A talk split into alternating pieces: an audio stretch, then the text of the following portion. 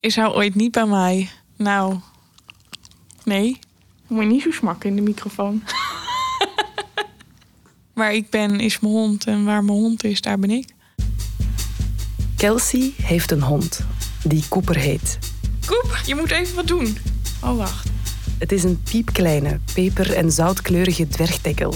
Lang lijf, korte pootjes. Ja, maar hij heeft een heel groot ego. En Cooper is altijd bij Kelsey. Ja, we zijn altijd met z'n tweeën. Dat is zo sinds de dag dat ze samen gingen hardlopen. En Cooper zich plots vreemd begon te gedragen. Ja, het was echt heel bizar. Dan ging hij op zo'n manier lopen dat ik eigenlijk geen stap meer kon zetten. En dan werd ik kwaad op hem en dan zei ik, nou, eh, hou nou eens op, ga nou eens gewoon lopen, doe nou eens normaal. En toen had ik zoiets van, hé, hey, dit is wel heel opvallend. Kelsey heeft diabetes type 1. En blijkbaar weet Cooper dat ook. Uh, nou ja, hij reageert eigenlijk op, op mijn geur. Dus de wisseling qua suikers, dat is zo minimaal dat wij mensen die ruiken dat niet. En die honden die ruiken dat wel. Al zijn het meestal geen honden zoals Cooper die het tot signaleringshond of hulphond schoppen. Nee, nee, dit is de eerste tackle die uh, het voor elkaar heeft gekregen. Dus hij rijdt het gewoon al twintig minuten voordat ik echt of veel te laag of veel te hoog zit. Geeft hij gewoon al een verwijzing van, nou moet je even opletten. Nou kan je het nog stabiel krijgen. Als haar bloedsuikerwaarden dalen, drukt hulphond Cooper zijn snuit eventjes vriendelijk, maar kordaat tegen Kelsey's been aan. En als ik te hoog zit, dan trekt hij aan een halsbandje om mijn enkel. En als ik dan niet snel genoeg reageer, dan gaat hij lopen piepen naar me van... Hallo, uh, ik duw en ik piep, dus nou moet je even reageren. Bij Kelsey thuis hangt een grote rode noodknop die Cooper kan indrukken als Kelsey niet meer zou reageren. En als het op de, op de straat gebeurt, dan weet ik gewoon dat hij gigantisch gaat lopen blaffen. Of dan is hij slim genoeg om dan wel te zorgen dat het toch goed komt. Kelsey kan Cooper 100% vertrouwen. Had ik hem niet gehad, dan had ik wel meer gestrest. Dat ik echt zo van, oh, nou gaat het niet goed en straks gebeurt er wat en zo. Dat er altijd iets kan gebeuren. Voor mensen met een chronische aandoening is die angst nooit helemaal weg, maar sluimert altijd ergens op de achtergrond. Ja, aan de ene kant is het angst. En aan de andere kant is het dat je gewoon zoiets hebt van... oké, ik vertrouw mijn eigen lichaam niet meer. Wat als de angst erin slaagt het hoofdpodium van je leven in te nemen? Hoe jaag je die er weer af als je je eigen lichaam niet voor 100% kan vertrouwen? En welke rol kan de zorg daarin spelen? Je hoort het in deze aflevering van Meer mens. Meer mens. Meer mens. Meer mens. Meer mens. Aflevering 4. De angst in de ogen kijken. Ik ben Siona. Nou ja, nu is die nog op 10, dus ik ga straks weer een keer meten. En dan uh, kijken of dat ik even wat suikers in moet nemen of dat het gewoon uh, weer goed is. Maar aan hem nu te merken, hij ligt er heel chill bij. Als Kelsey praat, doet ze dat met een brede glimlach op haar gezicht en veel energie. Terwijl Cooper rustig en zelfs een beetje plechtig aan haar voeten zit. Al acht jaar lang is hij haar wakkere gezel. Haar diabetes heeft ze helaas al veel langer. Ze kreeg de diagnose toen ze nog maar zes jaar oud was. En dan wordt er tegen je gezegd, ja, je hebt diabetes type 1. En ik weet nog wel dat mijn eerste reactie was van... maar als ik 20 ben, dan hebben ze er wat op uitgevonden... dan ben ik overal vanaf. Ze is nu 26 en al staat de wetenschap heel ver... chronisch is diabetes nog steeds. Maar zo onbevreesd ze er als zesjarige in stond... zo komt ze nog steeds over. Meer omdat ik altijd wel hard ben en altijd wel zoiets heb van... hup, doorgaan, niet zeuren, gewoon lekker genieten... Kelsey is niet het type meid dat zich makkelijk bang laat maken. Al neemt de ziekte onvermijdelijk veel ruimte in. Ja, je moest, opeens moest je overal bij nadenken wat je deed. Je kon niet meer zomaar wat eten of zomaar wat drinken. Nee, dan moest je eerst weer helemaal uitrekenen. Oh, hoeveel zit daarin? Welke eenheid moet ik daar weer voor gebruiken? Continu nadenken van oké, is dit goed voor mijn lichaam? Nee, nou is het niet goed. Maar als ik dat nou inneem, is het dan misschien wel goed? Van een onbezorgd kind moest je opeens gaan rekenen en gaan nadenken. Nadenken ook over wat er zoal kan gebeuren als je niet goed hebt opgelet. Ja, dan was, zat je of in een hypo of een hyper.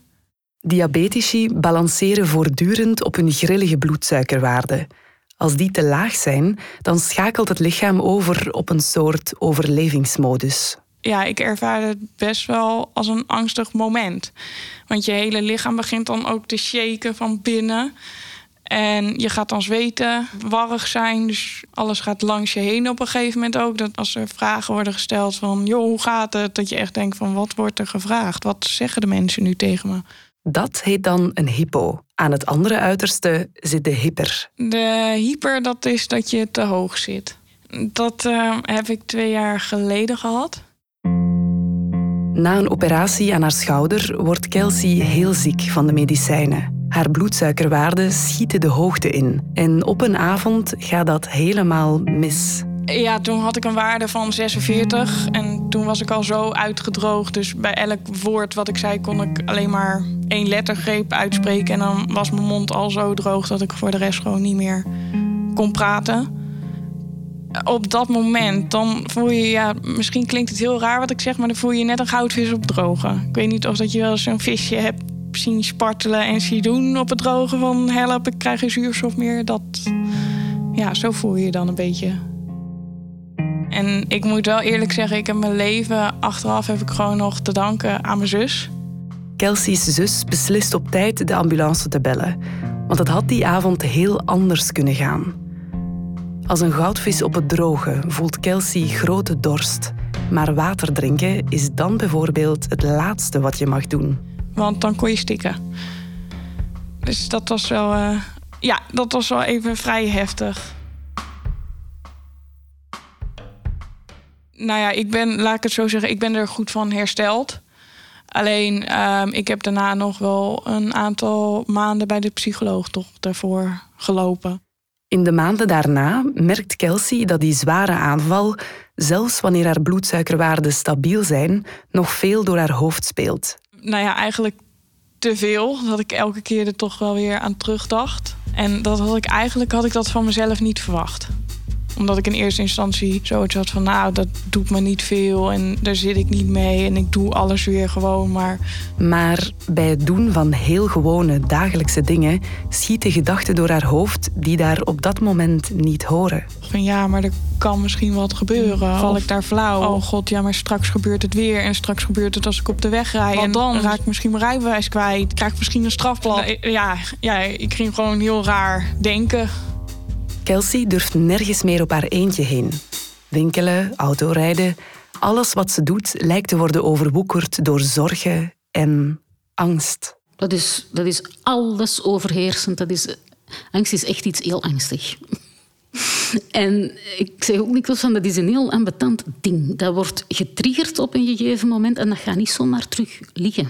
Nee, dat komt u dan lastigvallen op al heel veel andere momenten. Dit is Karen. Niet de psycholoog waar Kelsey bij heeft gelopen, maar een contextueel therapeut uit Antwerpen. In haar praktijk ziet Karen veel mensen worstelen met angst. Vaak, net zoals Kelsey, voor autorijden bijvoorbeeld. De angst voor de angst ontstaat. Wat je dan ziet is dat mensen zeggen van ik ben terug aan de kant gaan staan, punt. Ik heb het niet gedaan. Want dat is wat de angst met je doel. Je gaat van alles uitvinden om het niet te moeten doen. En je gaat dingen minder en minder beginnen doen. En je wereld wordt kleiner en kleiner. En hoe kleiner dat hij wordt, hoe angstiger dat je wordt. Dus dat is een, dat is een vies systeem. Hè?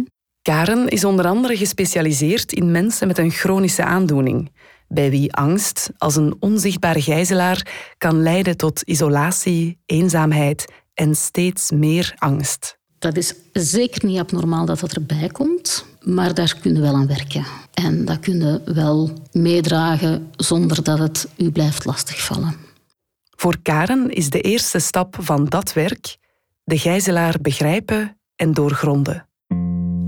In eerste instantie denk ik dat het bij angst belangrijk is dat je heel goed weet wat er gebeurt. Maar dan geef ik eigenlijk pure angsteducatie. Van wat is angst? Waarom ontwikkelde dat? Wat gebeurt er? Angst is goed als er gevaar is. Onze reacties daarop, hartkloppingen en zweten en van alles, dat is eigenlijk heel bazaal. Is nog een oerreactie. Maar als angst begint op te komen op het moment dat er eigenlijk geen gevaar is... Dan gaat die oerfunctie verloren en is er meer aan de hand. En dan komen we terug eigenlijk bij het concept van ja, het vertrouwen, het wantrouwen in dat lichaam. En dat is precies wat de angst van mensen met een chronische aandoening zo complex maakt. Ja, er komt sowieso een stuk vertrouwensbreuk. Hè. Als je niet ziek bent, staat daar niet bij stil. Maar wij, wij werken fantastisch. En wij zijn heel goed in elkaar gestoken. Je hebt van niks last. Bij een chronische aandoening krijg je heel erg het gevoel van... Oké, mijn lijf kan hier iets doen waardoor dat ik echt in gevaar kom. En dat gaat soms ook signalen geven op het moment dat u dat niet uitkomt. Op het moment dat je dat niet wilt. Soms weten ook niet wat er gebeurt. Ja, dat gaat om controle verliezen. Zonder vertrouwen in je lichaam lijk je aan het stuur van een wagen te zitten die elk moment van de weg af kan gaan. En komen we een stuk bij doodsangst. Hè? Dus dat is iets dat we niet kunnen uitsluiten. En dat is dus ook wat Kelsey meemaakte na haar hyper. Zeker een hyper waar dat je ingaat, dat is volledige controle verliezen over wat je lichaam aan het doen is en wat de gevolgen daarvan kunnen zijn. En dat kan traumatisch zijn, ja. De confrontatie met controleverlies kan zo intens zijn dat de angstreactie een wond nalaat. Want dat is wat het woord trauma betekent in het Grieks. Maar waar een wond in de huid dicht moet groeien, werkt het bij een trauma anders. Een trauma moet verwerkt worden, vrij letterlijk, door een ingenieus systeem in onze hersenen. We hebben eigenlijk een heel goed systeem binnen ons hersenen, een heel radarsysteem dat het event, wat er gebeurd is, het trauma op zich, gaat verwerken. En wat is verwerken? Dat is het loskoppelen van de heel felle emotie en de angsten en de sensaties van wat er gebeurd is. Dat is een heel radarwerk, noem ik dat eigenlijk. Hè.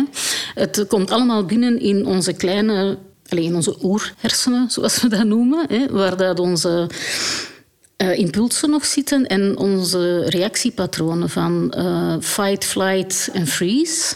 En vandaar gaat dan naar hypothalamus en, enzovoort enzovoort. En wordt eigenlijk het gebeuren naar de grote hersenen overgeschreven en worden de emoties ervan losgemaakt. Voor een bepaalde gebeurtenis veilig kan worden opgeslagen als herinnering, moet deze helemaal worden uitgekleed en losgemaakt van alle intense fysieke en emotionele reacties, zodat we tijdens het herinneren, wanneer we dus in de realiteit niet meer in gevaar verkeren, niet telkens opnieuw hetzelfde moeten beleven. Dit is zo in ons zenuwstelsel ingebouwd. Twee tot drie maanden moet je je lichaam zelf de kans geven om een trauma te verwerken. Dus bij veel mensen lukt dat. Ja? Het is alleen, soms lukt het niet. En het gaat zich vastzetten in je zenuwstelsel. En als je dat begint te merken van bij elke trigger wat mij er nog maar aan doet denken, raak ik toch eenmaal overspoeld door die gevoelens, door die angst, dan kunnen we spreken van hmm, de kans dat de verwerking gewoon natuurlijk gebeurt is, is klein. Na twee tot drie maanden is het zinvol om melding te maken bij een huisarts of therapeut. Of is het aan een zorgverlener om dit te detecteren? Want wat je overkomt, ligt dus niet aan jou persoonlijk. Dat is inderdaad eigenlijk iets heel technisch. Nou, en dat is juist interessant, omdat dat werkt over het algemeen goed. Maar als dat niet werkt, is er gelukkig ook al wel een techniek ontwikkeld om dat terug in gang te zetten. En dat is net het knappe maar dan spreken we over de EMDR-behandeling. EMDR? Ook Kelsey leerde deze specifieke behandeling kennen bij een therapeut. En dat gaat dan weer met een staafje of met een pen. Dat houden ze dan voor je hoofd. Daar moet je dan naar kijken en dat gaat dan heen en weer bewegen. Het klinkt heel ingewikkeld. Ik ga proberen van het goed uit te spreken, want het is niet simpel. Hè. Mensen vragen altijd, voor wat staat dat? Hè? Dus uh, het is um, eye movement desensitization en reprocessing. Eye movement desensitization en reprocessing. Een technische term voor een technisch probleem. Het komt erop neer dat een trauma zich op een gegeven moment kan vastzetten ergens in ons zenuwstelsel. En via een, een techniek een werkinstrument eigenlijk binnen een therapeutisch proces. Het is, het is geen therapie op zich. Het past binnen een proces. Wordt er gewerkt via oogbeweging, snelle oogbeweging, om het trauma los te kunnen maken uit dat zenuwstelsel, om dat terug in beweging te krijgen. Bij EMDR vraagt de therapeut om met je ogen een bepaald punt te volgen dat ritmisch heen en weer beweegt. Op die manier kan je trauma bijna letterlijk worden losgebeuterd. Want die snelle oogbeweging is sterk verbonden met dat radarwerk van verwerking. Als je in een diepe remslaap zit, waar we dromen, daar gebeurt eigenlijk de verwerking. En dan zie je dat dat mensen zo heel snel met hun ogen over en weer kunnen gaan. En dat zijn ze beginnen nabootsen. En dat is ja, de bilaterale stimulatie noemen ze dat. Dat is links-rechts en dat werkt. En dat werkt heel goed. Wie op dit idee kwam in 1987 was de Amerikaanse psychologe Francine Shapiro. Die voelde dat zij rustig werd. Zij had zeer moeilijke verhalen die zij kreeg door te gaan wandelen in het park. En dat is natuurlijk ook links-rechts stimulatie. Hè? Shapiro werkte vaak met oorlogsveteranen die aan posttraumatische stress leden. Tussen consultaties door ging ze vaak wandelen. En wanneer ze voorbij een lange rij met hoge bomen ging, moest ze steeds haar ogen afwenden van het zonlicht, dat telkens weer tevoorschijn kwam en verdween van achter die bomen. Ze voelde hoe de stress van haar gedachten een stukje wegsmolt. En ze begon een link te zien met deze snelle beweging van haar ogen. En zij is dat dan verder gaan uitzoeken. En dan in combinatie met nog andere mensen. En dan zijn ze inderdaad op die oogbewegingen gekomen. Van ja, wat is dat? En ze zijn dat beginnen testen. En ja, zo, zo, zo gebeurt dat. Hè. Zo gebeurde het dat deze methode werd onderzocht en uitgewerkt tot een strikte procedure, waartoe een therapeut zorgvuldig moet zijn opgeleid. Anders dan bij hypnosetherapie blijft iemand bij een EMDR-sessie de hele tijd bij bewustzijn. We gaan dan heel specifiek gaan kijken van oké, wat is er toen gebeurd? Wat is vooral het beeld dat je altijd terugkrijgt in je herbeleving? En dan... En dan begint Karen vragen te stellen. Naar alles wat er in je opkomt. Alle mogelijke associaties die rond dit beeld zijn blijven plakken. Wat je op dat moment zag, wat je rook, voelde. En je zegt bijvoorbeeld van ja, onmacht, oké, goed. Volg maar en zie wat er komt. En dan begin je heel hard te huilen.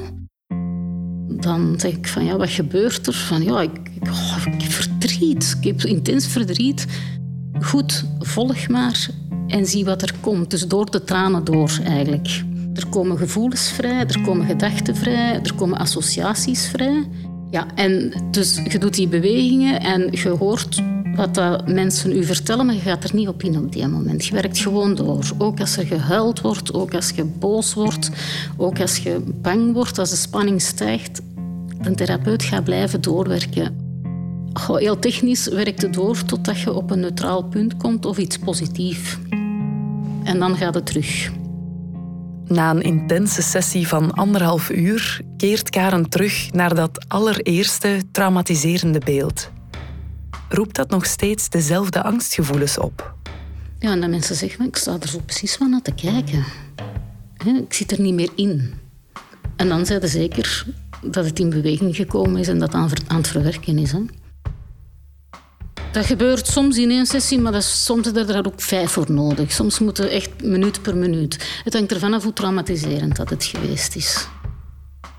Nou, ik, merk, ik denk dat ik na ongeveer 3,5, 4 maanden wel merkte van dat ik ook tegen mensen zei van oh nee, dat doe ik wel eventjes alleen. En dat als ik het dan had gedaan, dat voelde dan echt gewoon als de finale Champions League, Bayern, uh, Ajax of zoiets.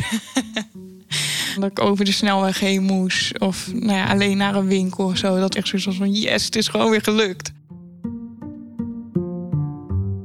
EMDR is een manier van traumaverwerking. En niet iedereen met diabetes of een andere chronische aandoening krijgt te maken met dergelijke trauma's. Maar die vertrouwensbreuk met je eigen lichaam, die kennen helaas velen Wanneer je chronische pijn je dwingt in bed te blijven, terwijl voor anderen het leven doorgaat. Of wanneer je hoort dat die stoma voor altijd bij jou zal blijven. Of dat niet te voorspellen valt wanneer en hoe zwaar de volgende aanval van MS zal zijn. Karen ziet mensen met allerlei verschillende zorgen, angsten en onzekerheden in haar praktijk. Gespecialiseerd in mensen die chronisch ziek zijn, pleit ze voor bijzondere aandacht voor hun psychische welzijn. Omdat ik heb gemerkt dat dat iets is dat dikwijls niet aan bod komt. Je moet ermee leren leven. Die zin is iets dat snel uitgesproken is, wat mensen verwachten, maar waar dat helaas zoveel bij komt kijken en ja, wat voor patiënten dikwijls heel frustrerend is. Leren leven met een chronische aandoening is leren vertrouwen op een lichaam dat je soms in de steek laat. Dat leer je niet zomaar en is vaak hard werken. Om het bewustzijn hiervoor te vergroten, geeft Karen ook lezingen aan zorgprofessionals. Want ik denk dat zij vooral de eerste zijn die gaan merken of er iets raar of moeilijk begint te lopen bij iemand dan moet het uw eerste zorgverlener zijn die durft zeggen van zeg maar, Sava, heb je daar nog last van? En niet dat, dat die dat dan ineens moeten gaan behandelen, maar dat kan wel een idee zijn van goh, misschien moet het toch eens met uw arts bekijken of misschien moet het toch eens professionele hulp zoeken. Al is het een eerste keer om een indicatie te maken van loopt er niks mis. Zij zijn degene die moeten kunnen doorverwijzen. Hè? Ik weet dat dat hier um, in België betert, omdat mensen daar meer op gericht zijn, maar nog veel te weinig. Consulten zijn kort, uh, zijn heel uh, functioneel, zijn heel praktisch. En ja, dat is een beetje het spijtige aan, aan het personeelstekort en tijdsdruk, de werkdruk. En die problemen van tijdsdruk en werkdruk kent de Nederlandse zorg natuurlijk ook. Het belang van luisteren, doorvragen en herkennen van signalen kan voor Karen niet genoeg benadrukt worden. Want leren leven met een chronische aandoening betekent niet leren leven met angst. Laat u ook niet tegenhouden. Eh, je kunt gaan zitten, angstig zijn en zitten wachten tot er iets erg gebeurt. En ik begrijp die reactie. Maar dan is het wel aan de omgeving en aan uw netwerk, denk ik, om te zeggen van nee, stop. Want zo gaat het alleen uw ziekte worden. Dan wordt het uw identiteit. En daar kun je niet meer verder. Dan kun je alleen maar zitten ziek zijn. En daar heb je niks aan.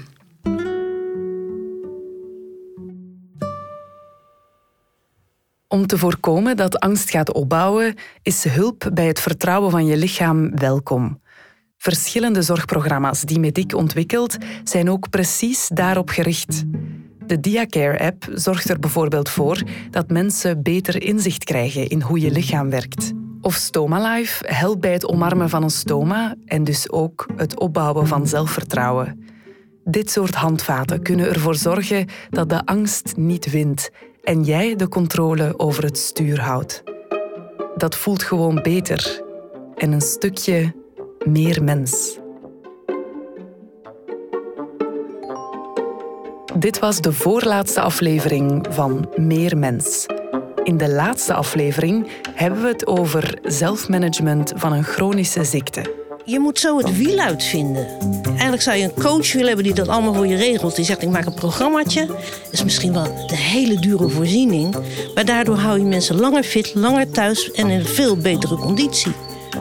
Meer Mens is een podcast van Medic, geproduceerd door Slow Pony naar een idee van Havas Lens. Bedankt voor het luisteren.